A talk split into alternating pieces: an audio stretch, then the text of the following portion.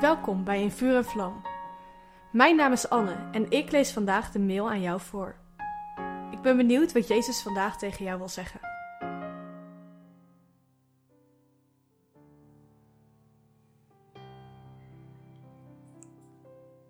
Afgelopen zondag hebben we gezien dat Jezus voor ons allemaal persoonlijk is gestorven en dat we allemaal een verhaal met Hem hebben. Hoe mooi dit verhaal ook is, je kan denken: ben ik wel geroepen om het te vertellen? Ben ik bekwaam genoeg om het te delen? Is dat niet iets voor de evangelisten, die daar speciaal voor zijn aangewezen en dat talent hebben gekregen?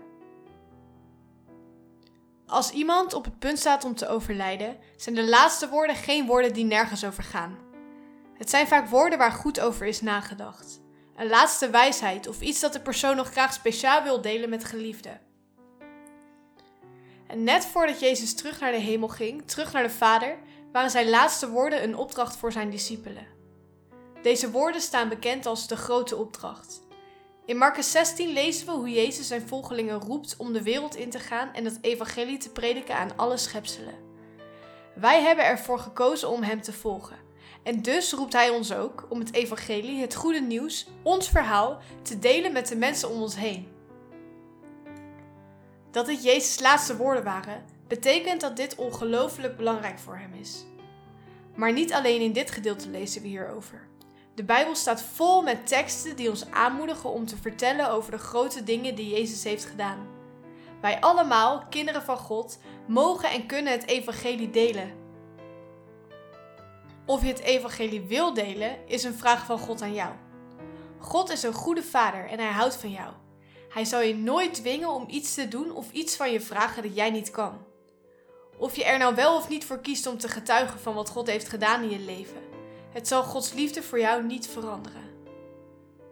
Maar wel zijn wij gemaakt om een licht te zijn in deze wereld. Sterker nog, om het licht van de wereld te zijn. Het is ons doel om te schijnen.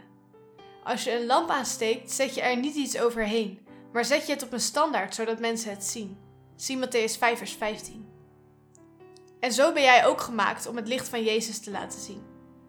Dit kan als een grote last of verantwoordelijkheid voelen, maar het is in werkelijkheid een groot voorrecht. Het helpt niet alleen anderen, maar ook jezelf om te groeien in je relatie met Jezus. Als je diesel gooit in een auto met benzinemotor, kan je misschien wel een stukje rijden, maar de auto zal nooit tot zijn volledige potentie komen. Jezus heeft het beste met ons voor. En als wij doen waarvoor Hij ons heeft gemaakt, leven we in onze volledige potentie. Hij weet wat goed voor ons is. Hij heeft ons als een licht gemaakt en wil onze levens gebruiken om die van anderen te redden en te veranderen. Wat houdt jou tegen om nog mensen om je heen om God te vertellen? Deel dit met Hem en vraag Hem om jou hierin te helpen.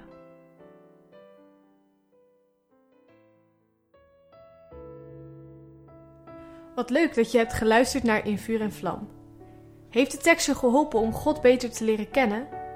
Deel In Vuur en Vlam dan met je vrienden. Meld ze aan op streef.nl slash in vuur en vlam.